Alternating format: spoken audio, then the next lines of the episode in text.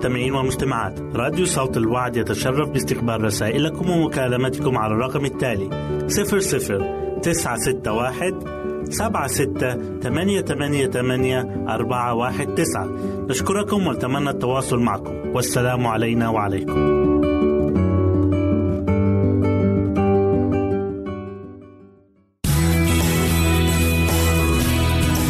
استماع وتحميل برامجنا من موقعنا على الإنترنت www.awr.org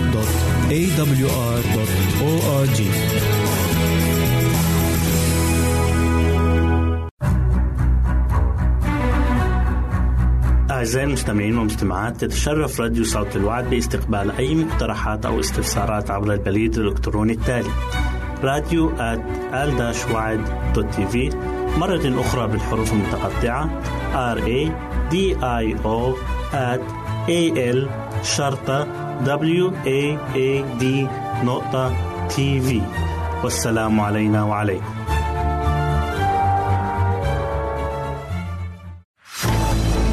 أعزائي المستمعين والمستمعات راديو صوت الوعد لا يكتفي بخدمتكم عبر الموجات الصوتية فقط بل وإنه يطرح لكم موقعا إلكترونيا يمكنكم من خلاله مشاهدة أجمل البرامج الدينية الثقافية الاجتماعية وغيرها من المواضيع الشيقة. يمكنكم زيارة الموقع من خلال العنوان التالي www.al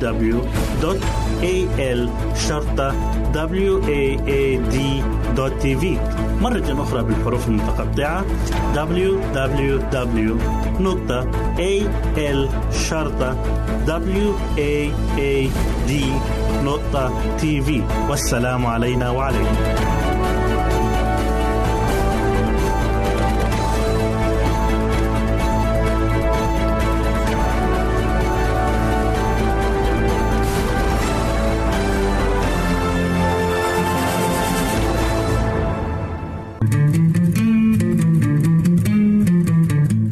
تستمعون إلى إذاعة صوت الوعد.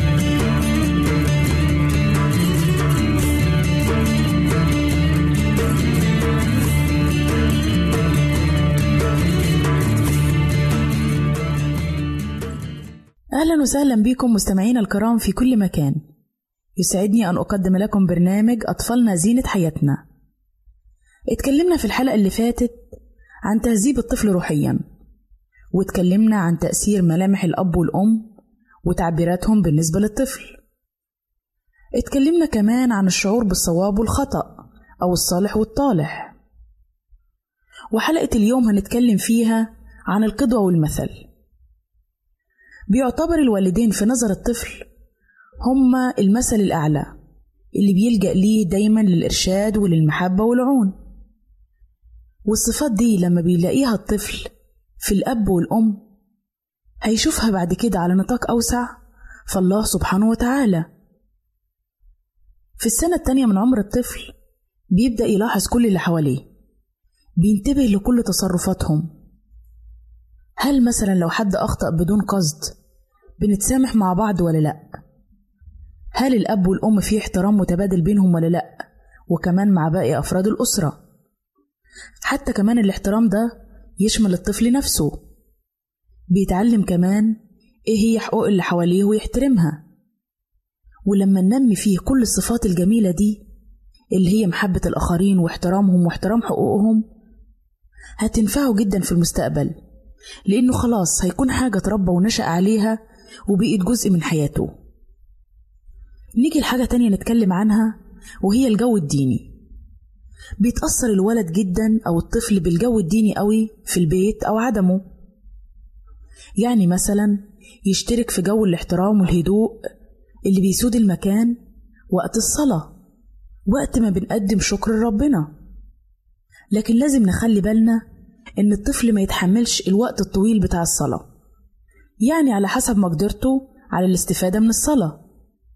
ما ننتظرش من الطفل إنه يقعد هادي مثلا لمدة تلت ساعة أو نص ساعة. الطفل ما يتحملش كده. لأن كل محاولة منا إن إحنا نهديه ونخليه يقعد ساكت هتنتهي بالفشل. وممكن كمان تيجي بنتيجة عكسية إن الطفل ما يحترمش وقت الصلاة. عشان كده لازم الوقت اللي يحضر فيه الطفل الصلاة يكون وقت قصير قدر المستطاع. وأول صلاة يحضرها الطفل لازم تكون قصيرة جدا. يعني مثلا لما الأم تيجي تركع عشان تصلي الطفل يركع جنبها بهدوء. وكفاية في أول مرة مش مهم يتعلم حاجة بس يتعلم إن هو يكون هادي وقت الصلاة. كمان هيستفيد حاجة تانية هو مش هيفهمها إن الملايكة بتحضر وبترفرف حواليهم وروح الله بيسيطر على الجو وبيغني روح الطفل في الوقت الهادي ده. وبعد ما الطفل بيكبر شوية ممكن نخليه يحضر العبادة العائلية لدقايق قليلة. وبمجرد ما نشوف الطفل بان عليه التعب أو بعبارة تانية المفروض إن حضور الطفل العبادة بيتوقف على أمرين. يا إما نخلي فترة العبادة قصيرة جدا ما تتجوزش مثلا الخمس دقايق بعد كده نسيبه براحته والكبار يكملوا. أو مثلا يكون وقت العبادة بعد ما الطفل ينام. ونكون حذرين جدا إننا نخوف الطفل من العبادة أو نخوفه من ربنا. أو نقول له مثلا لو ما صليتش هتروح النار. كل الحاجات دي غلط جدا وبتخلي الطفل ما يحبش ربنا لا يخاف منه ويحس إنها عبء عليه. كمان من الأمور المحببة جدا عند الطفل لما يشعر الطفل وهو بيسمع صلاة الشكر على الميدة يوم بعد التاني بتكون صلوات قصيرة بيرددها الأب أو بترددها الأم.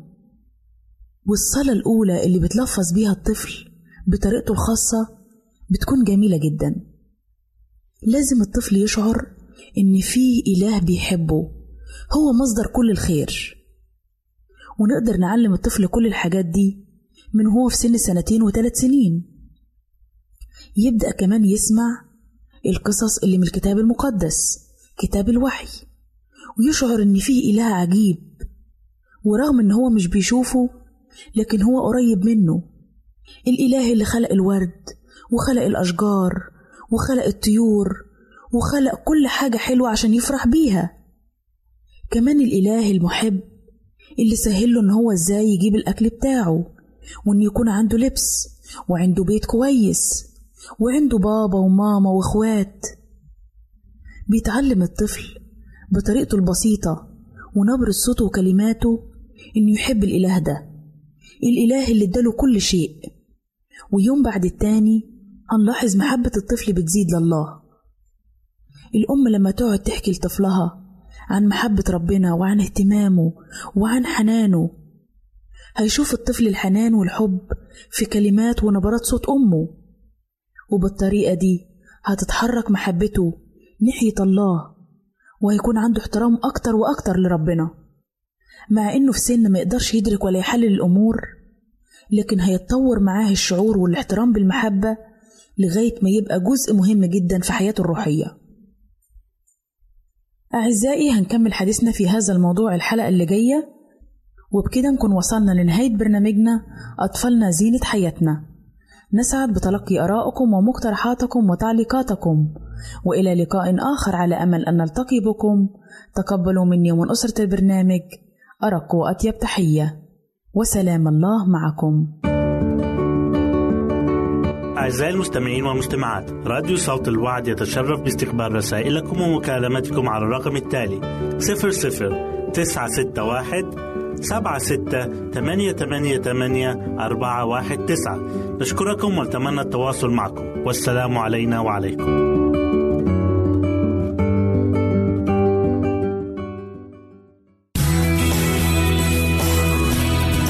يمكنك استماع وتحميل برامجنا من موقعنا على الإنترنت www.awr.org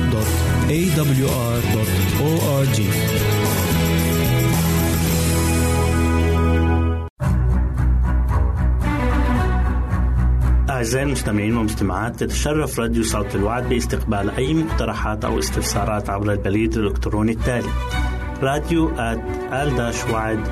في مرة أخرى بالحروف المتقطعة R A D I O at A L شرطة W A A D نقطة تي في والسلام علينا وعليكم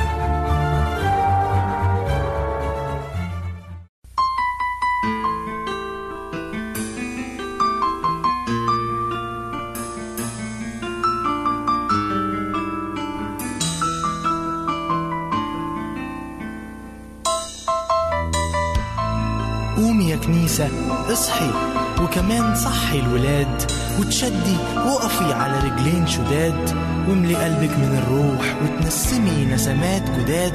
قومي يا كنيسة احلمي من غير نوم وعينيكي مفتحين. احلمي لبعيد أبعد من اللي تقدر تشوفه العين. احلمي من غير حد ده اللي ملوش حلم ملوش غد. وأيامه ضايعين احلمي الحلم الجريء. احلمي بيوم المجيء اللي لازم هيجي.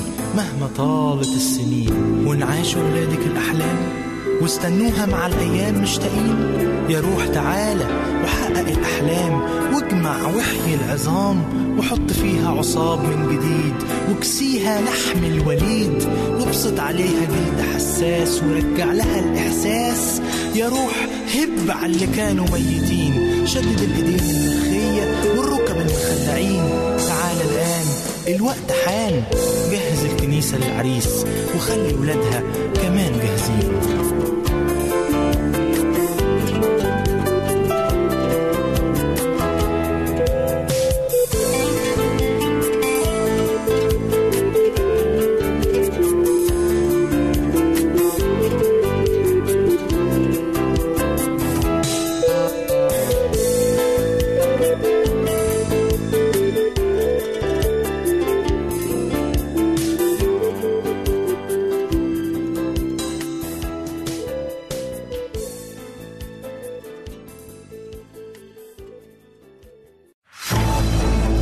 أعزائي المستمعين والمستمعات. راديو صوت الوعد لا يكتفي بخدمتكم عبر الموجات الصوتية فقط بل وإنه يطرح لكم موقعا إلكترونيا يمكنكم من خلاله مشاهدة أجمل البرامج الدينية الثقافية الاجتماعية وغيرها من المواضيع الشيقة.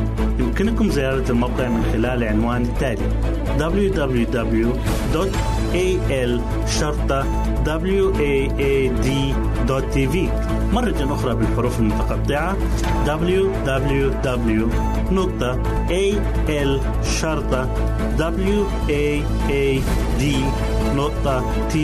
والسلام علينا وعليكم.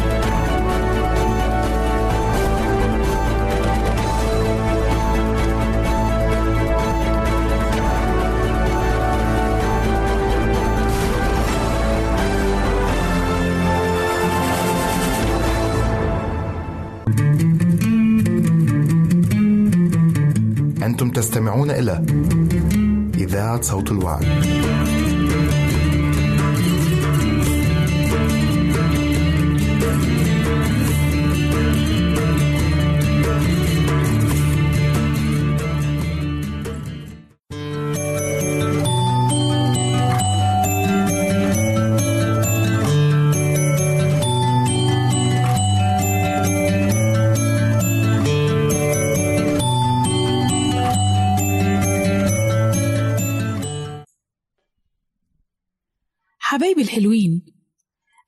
بيكم في برنامج قصص وحكايات لأحلى صبيان وبنات.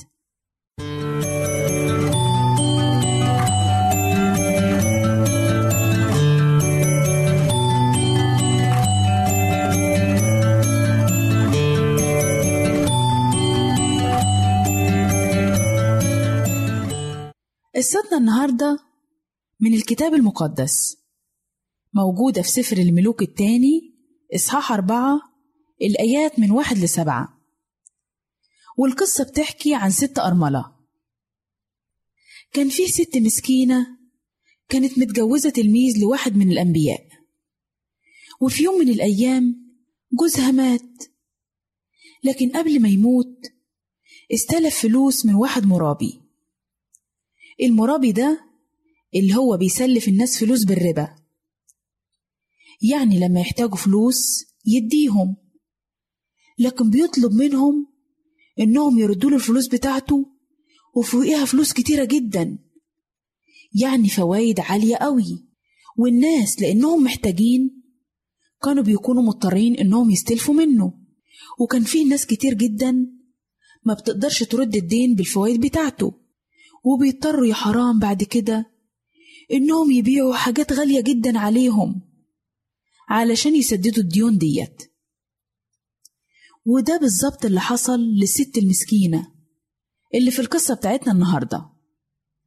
لما جوزها مات جه الراجل المرابي ده وطالبها بالفلوس اللي عليهم.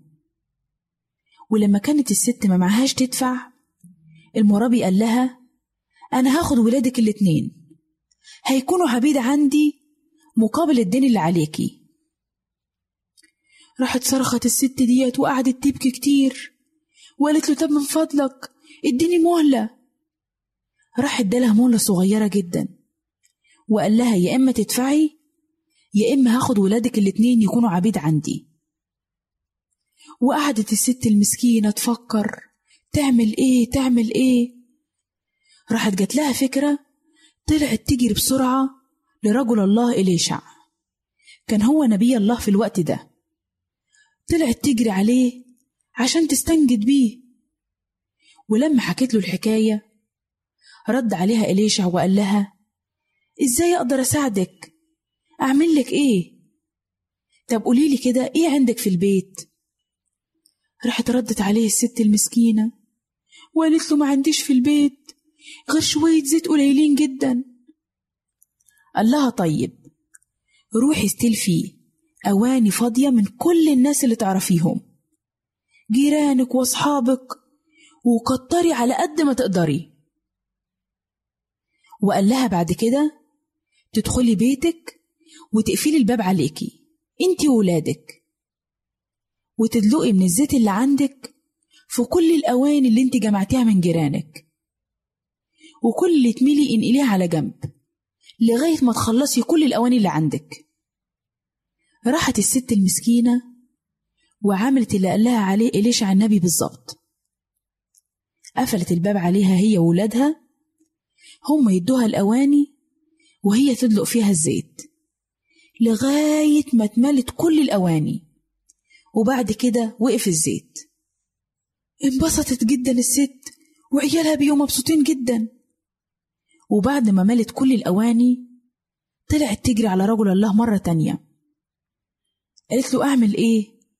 قال لها روحي بيعي الزيت ده وسددي الفلوس اللي عليكي. والفلوس اللي تتبقى من تمن الزيت عيشي بيها انت وولادك. وفي القصة دي يا ولاد بنشوف قد إيه ان إلهنا عظيم. إلهنا بيقدر يسدد الاحتياج من حاجات بسيطة جدا. يعني لو الست ديت ما وثقتش في كلام النبي إليشع وسمعت كلامه كانت فضلت مديونة. وكان الرجل المرابي ده اللي هو كان جوزها مستلف منه الفلوس كان أخد ولادها عبيد عنده. لكن هي عشان سمعت كلام نبي الله ووثقت إن المعجزة هتحصل ربنا اتمجد معاها.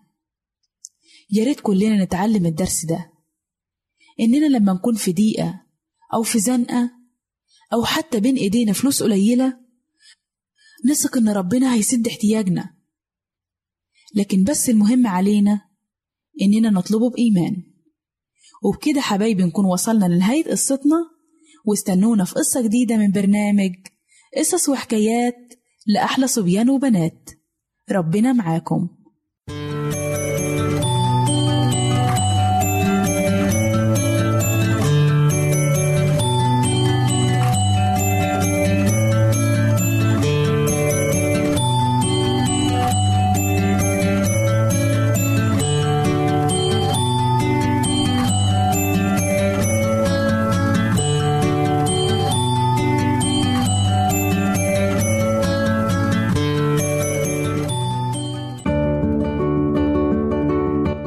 المستمعين والمستمعات. راديو صوت الوعد يتشرف باستقبال رسائلكم ومكالمتكم على الرقم التالي 00 961 سبعة ستة ثمانية ثمانية ثمانية أربعة واحد تسعة. نشكركم ونتمنى التواصل معكم. والسلام علينا وعليكم.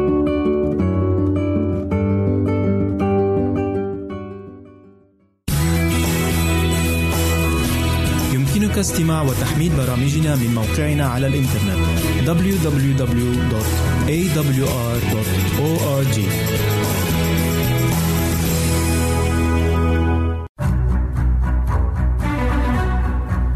أعزائي المستمعين والمستمعات تتشرف راديو صوت الوعد باستقبال أي مقترحات أو استفسارات عبر البريد الإلكتروني التالي راديو في مرة أخرى بالحروف المتقطعة R A D I O at A L شرطة W A A D نقطة تي في والسلام علينا وعليكم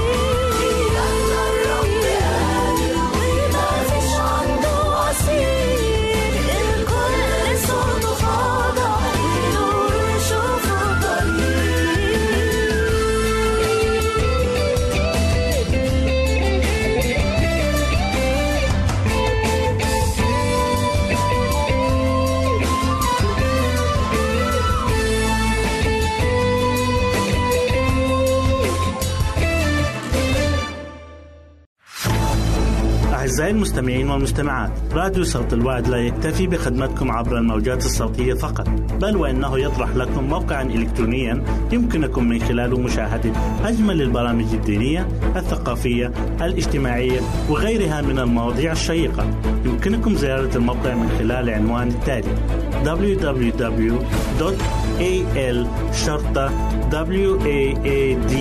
www.al-waad.tv مرة أخرى بالحروف المتقطعة.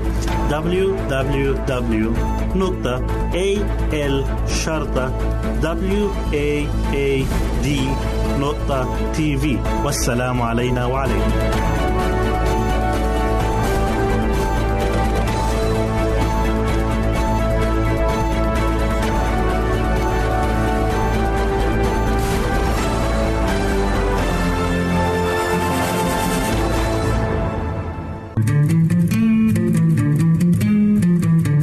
أنتم تستمعون إلى إذاعة صوت الوعد.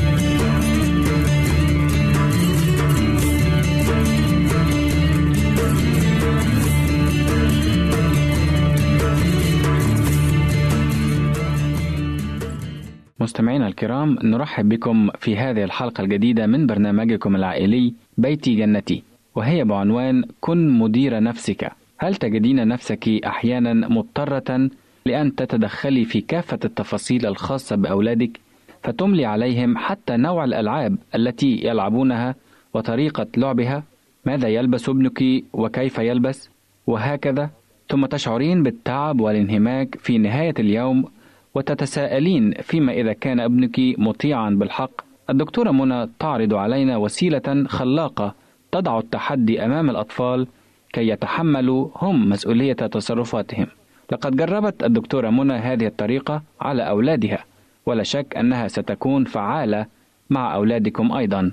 التحكم الشديد في الأولاد قد ينغص عليك حياتك وقد يصبح فخا يقع فيه الوالدين معظم الأحيان. لقد حدث هذا معي أنا شخصيا. فمسكين ابني سمير الذي كان يقال له ما يفعل من قبلي أنا وأبيه وأخته الأكبر سنا. وفي ذات يوم زارنا ابن أخي البالغ السادسة من العمر. ولما بقي معنا فترة ولاحظ معاملتنا لسمير قال لنا بطريقته الطفولية لماذا يتحكم كل منكم في سمير بهذه الطريقة؟ عندها فقط أدركنا مدى استبدادنا بالطفل دون قصد منا. وفي المساء عندما كنت أضع سمير في الفراش لينام سألته هل تحب دائما أن يقال لك ما تعمل يا سمير؟ لا إذا يجب أن تكون مدير نفسك ولن يأمرك أحد بشيء طالما تتحكم أنت في نفسك.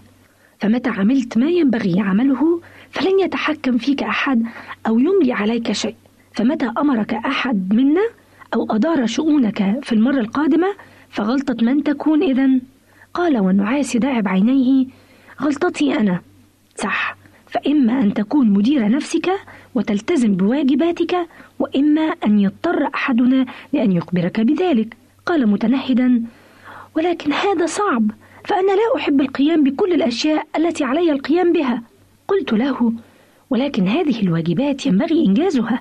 فإما أن تسيطر أنت على ذاتك وتلزم نفسك القيام بواجباتك أو يلزمك غيرك بذلك.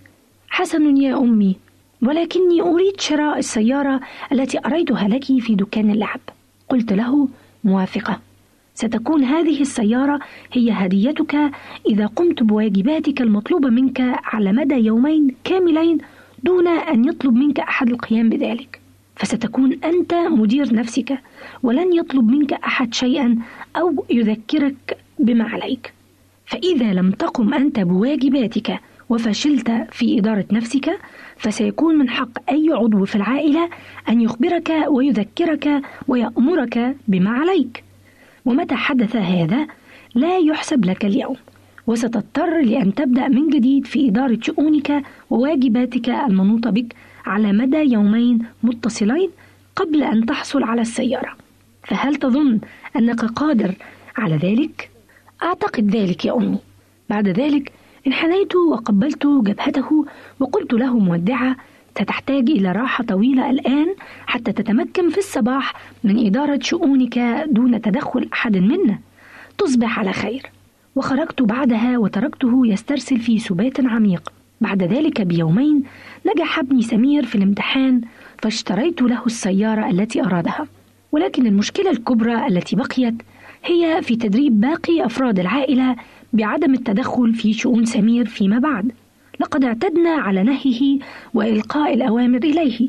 وها نحن نحاول كل يوم الالتزام بأنفسنا فقط وعدم التدخل في غيرنا من أفراد الأسرة. نعم فلو التزم كل منا بنفسه فلم تلزم الحاجة للتدخل في أمور غيرنا. ولنذكر دوما أن كل إنسان مسؤول عن نفسه وعن قراراته. وصدق القول المأثور ما يزرعه الإنسان إياه يحصد أيضا.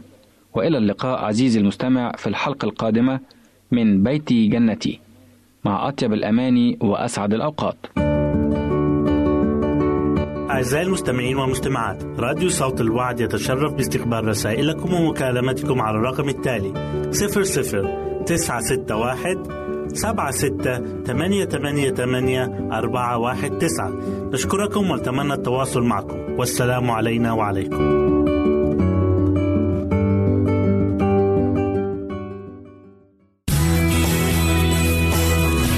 يمكنك استماع وتحميل برامجنا من موقعنا على الإنترنت www.awr.org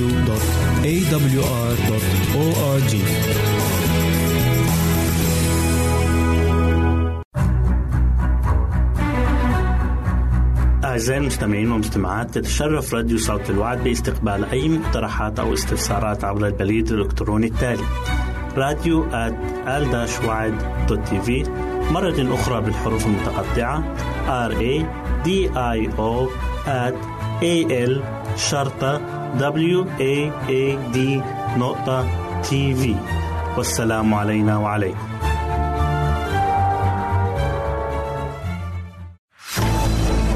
أعزائي المستمعين والمستمعات راديو صوت الوعد لا يكتفي بخدمتكم عبر الموجات الصوتية فقط بل وإنه يطرح لكم موقعا إلكترونيا يمكنكم من خلاله مشاهدة أجمل البرامج الدينية الثقافية الاجتماعية وغيرها من المواضيع الشيقة.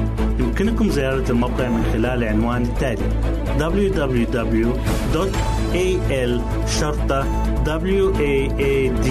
waad.tv مرة أخرى بالحروف المتقطعة www.al-waad.tv والسلام علينا وعليكم.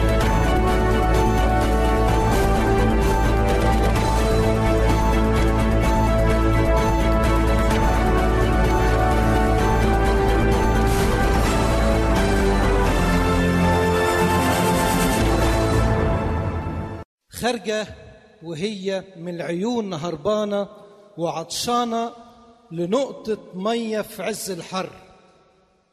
لعلى بالها تقابل إنسان من يخرج في الوقت ده إلا إن كان مضطر. لكن يسوع اللي بيدور على الهالك من نفوس سافر لها مخصوص وعليها مر. ولأنه عارف القلوب شاور على العيوب وعلى اللي هدم حياتها وضر. ولقاها في بحر الحياة غرقانة نشلها وخد بإيدها ووصلها للبر. وشرح لها طريق النجاة واداها ماء الحياة وخلصها من حياة الشر. وما سألوها فكرة فكرة؟ قالت كيف أنسى؟ كيف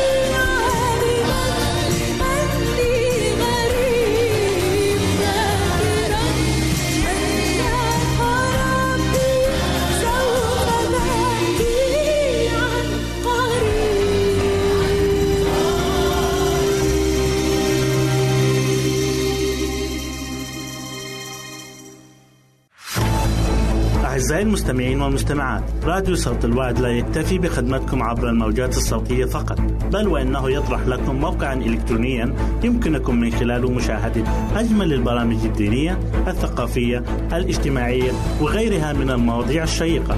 يمكنكم زيارة الموقع من خلال العنوان التالي www.al-waad.tv مرة أخرى بالحروف المتقطعة www.al-waad.tv والسلام علينا وعليكم.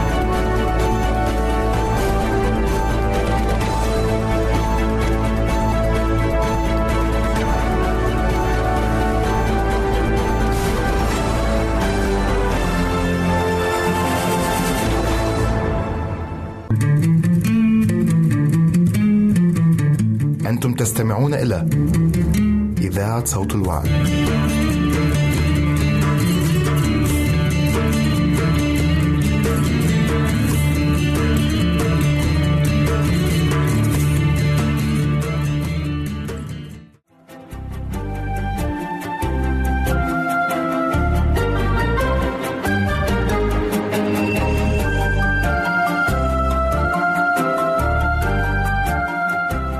مرة أخرى نرحب بكم أعزائي المستمعين في حلقة جديدة من برنامج دروس حياتية من عائلات كتابية.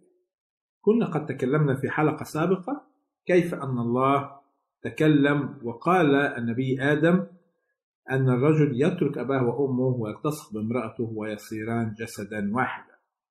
ولكن هناك سؤال هام في بعض المجتمعات ينظر إلى المرأة أنها أقل من الرجل وفي مجتمعات أخرى قد تعطى المرأة حقوق وامتيازات مساوية أو قد تزيد عن الرجل فما هو رأي الكتاب المقدس في هذا الشيء؟ في المجتمعات التي ينظر فيها أن المرأة أقل من الرجل يعتقد البعض أن فكرتهم صحيحة وأن الكتاب المقدس يؤيد هذا الرأي وهم يستندون إلى الآية الموجودة في رسالة أفسس الأصحاح الخامس والعدد 23 حيث تقول لأن الرجل هو رأس المرأة. وفي المجتمعات التي تعطى المرأة حقوق متساوية للرجل يعتقدون أن رأيهم هو الصحيح وأن الكتاب المقدس يؤيد هذا الرأي حيث نقرأ الآية في رسالة غلاطيا الأصحاح الثالث والعدد 28 حيث تقول كلمة الرب ليس يهودي ولا يوناني ليس عبد ولا حر ليس ذكر وأنثى لأنكم جميعا واحد في المسيح يسوع. كلمة الله لا يمكن أن تقول شيء وتقول ضده في موضع آخر. كلمة الله لا تتناقض ولكن علينا أن نفهم هذه الآيات بطريقة صحيحة. فالآية الأخيرة التي تقول أنه لا ذكر ولا أنثى حيث لا فرق بين الذكر والأنثى الله يعرف بأن في كثير من الشعوب هناك تمييز بين العبيد والأحرار وبين الرجل والمرأة حتى في وسط الشعب اليهودي الذي كانت عنده كلمة الله كانوا يميزون بين أنفسهم والآخرين وكانوا ينظروا أنهم أفضل من غيرهم من الشعوب. لأجل هذا تقول الآية ليس يهودي ولا يوناني. كانوا يعتقدون أن الرجل أفضل بكثير من المرأة. ولكن عندما نؤمن بالمسيح نصير أمام الله على حد سواء لا فرق بيننا سواء كنا رجال أو نساء. أما الآية الثانية في أفسس خمسة والعدد 23 التي تقول أن الرجل هو رأس المرأة نستطيع أن نفهم هذا عندما ندرك أن الرأس لا يعيش بمعزل عن الجسد وكذلك الجسد لا يحيا بدون الرأس فكلاهما يكمل أحدهما الآخر. ونستطيع أن نقول أن الرجل والمرأة في العائلة هم فردين متماثلين في الشكل العام والمميزات ولكن في كل منهما في داخله شيء يعوزه الآخر ويتكامل مع ما له. إذا مرة أخرى الرجل والمرأة في العائلة هم متساوون أمام الله في الجانب الروحي. وفي الناحية الجسدية هم متساوون أيضا ويكمل أحدهما الآخر. ولكن عندما نقرأ الكتاب المقدس نجد يخبرنا بقصص العديد من الأسر والعائلات والتي نجد في حياتهم واختباراتهم دروسا مستفادة لنا كعائلات وبيوت تسعى نحو حياة أفضل. فما هي العائلة التي سنتكلم عنها الآن؟ طبعا أول عائلة يتكلم عنها الكتاب المقدس هي عائلة النبي آدم وامرأته.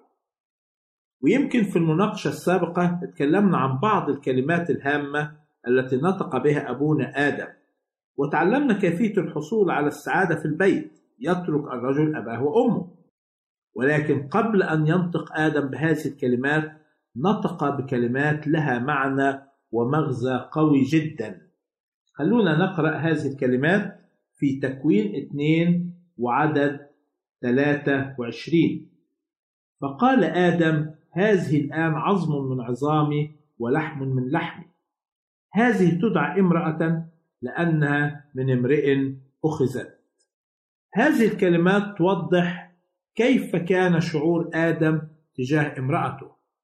كان يعرف أنها جزء منه وهذه الكلمات تدل على المحبة القوية التي كانت لدى آدم تجاه امرأته. وهذا يعتبر أهم عنصر أو شيء يسبب السعادة في البيت أن يظهر الرجل أو الزوج محبة قوية لزوجته. وهنا نسأل هل كانت المحبة هي أساس السعادة في بيت أبوين الأولين أم أن هناك أشياء أخرى كانت سببا في سعادة آدم وامرأته؟ لا شك أن المحبة هي أساس السعادة في أي عائلة أو بيت وهذه المحبة وجدت في بيت أبوين الأولين. ونلاحظ أن أبوين الأولين عاشا في فترة لم يختبرها أي إنسان ولا اختبرتها أي أسرة أو عائلة عاشت على وجه الأرض وهي فترة ما قبل دخول الخطية. وطالما لا توجد خطية لم يكن هناك أي أثر لنتائج الخطية التي نشعر بها نحن الآن. لم يكن هناك ألم أو مرض أو حزن أو كراهية أو موت.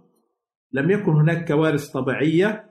لم يكن هناك أي خطر يهدد حياة أي إنسان مثل ما نتعرض نحن الآن. وبالتالي لم يكن هناك خوف لم يعرف أبوان الأولين معنى الخوف. تمتع آدم بسلام مع الله وقد أعطاها الله سلطان على كل الخلائق الحية. تمتع بسلام مع شريكة حياته أي المرأة حواء. كذلك تمتع بسلام مع الطبيعة من حوله والخلائق الحية الأخرى. لم يكن هناك طيور جارحة أو حيوانات شرسة أو مفترسة. كانت كل الحيوانات التي نعرفها الآن موجودة كالأسد والدب والنمر وغيرها ولكن لم يكن هناك منها أي افتراس أو قتل لأن ظاهرة الشراسة والافتراس جاءت مع دخول الخطية. كان يعيش في سلام تام وسعادة مع الطبيعة من حوله ومع خالقه. أعزائي المستمعين سعدنا أن نكون معكم في هذه الحلقة. وحتى نلقاكم في حلقة أخرى. لكم منا كل تحية وبركات السماء تكون معكم. نرجو التواصل معنا عبر هذه العناوين. للتشات www.al-waad.tv وللرسائل radio at al-waad.tv والاتصال عبر الواتساب 961 76 888 419 961 76 888 419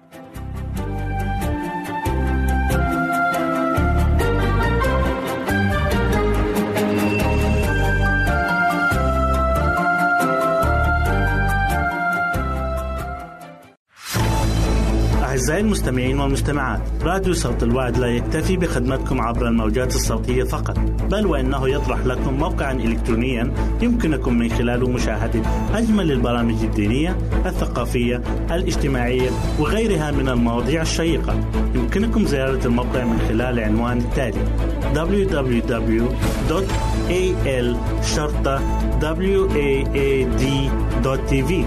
مرة أخرى بالحروف المتقطعة www نقطة a l شرطة w a a d نقطة تي في والسلام علينا وعليكم.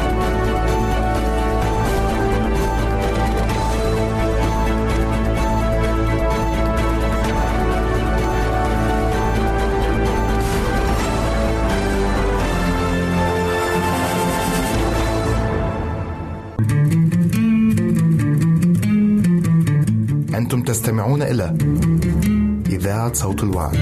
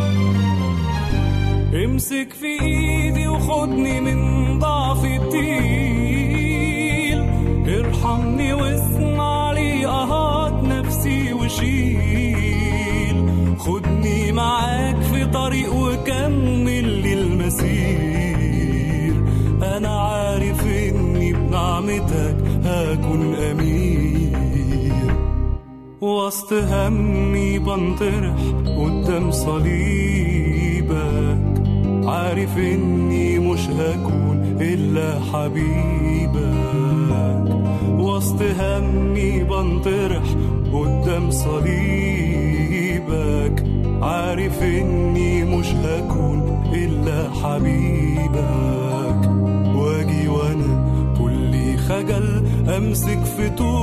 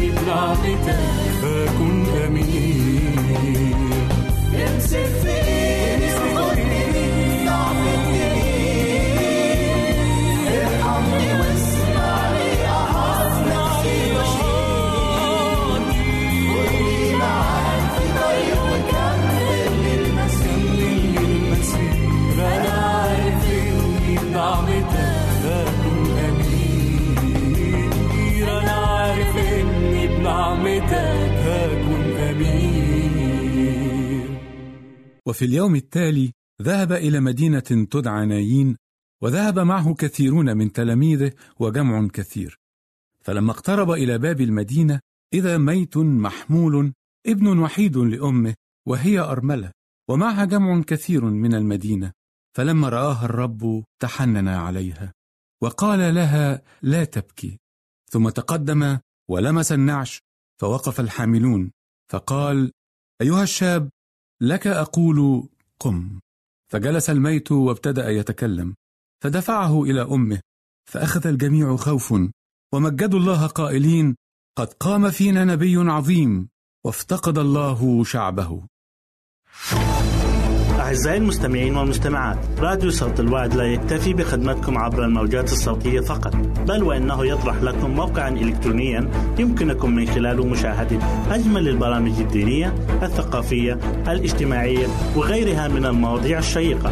يمكنكم زيارة الموقع من خلال العنوان التالي www.al-waad.tv مرة أخرى بالحروف المتقطعة www.al-waad.tv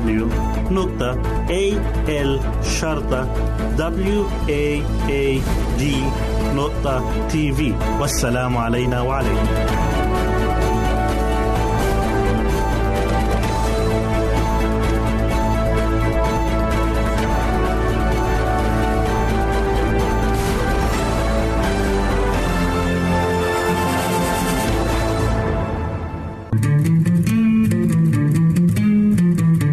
أنتم تستمعون إلى إذاعة صوت الوعد.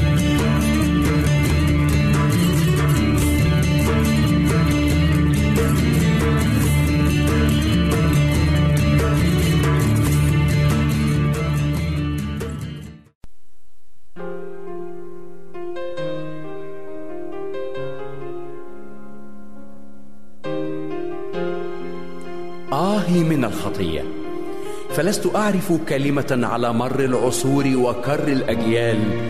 أرقت فكر الإنسان سواها وشوهت جماله عداها ودمرت سلامه مثلها وحطمت شخصيته قدرها. فالخطية تلوث النفس وتدنس الفكر وتدمر الإرادة. إنها تدين الإنسان أمام عدالة الله كتابيا. وتطرحه تحت ثقل الديون مفلسا عمليا. فالخاطئ مريض اخلاقيا. يعيش في أصفاد وقيود عبودية إبليس زمنيا. وتحت قصاص الدينونة الإلهية ابديا. وعلى قدر قسوة الخطية وسلطتها وسطوتها كان خلاص المسيح في تبريره وتقديسه لأقذارنا وتطهيره وتحريره لقيودنا. فهو يخلقنا خليقة جديدة ويجعلنا نشارك الطبيعة الإلهية المجيدة ويضمن بوعوده لنا الأبدية المباركة السعيدة. لقد جاء لكي يطلب ويخلص ما قد هلك. إنه يخلص إلى التمام. إنه قال أنا ذا واقف على الباب وأقرع إن سمع أحد صوتي وفتح الباب. أدخل إليه وأتعشى معه وهو معي. نعم شخص شريف بالباب يقرع فافتح له يا خائف فالخوف ينزع.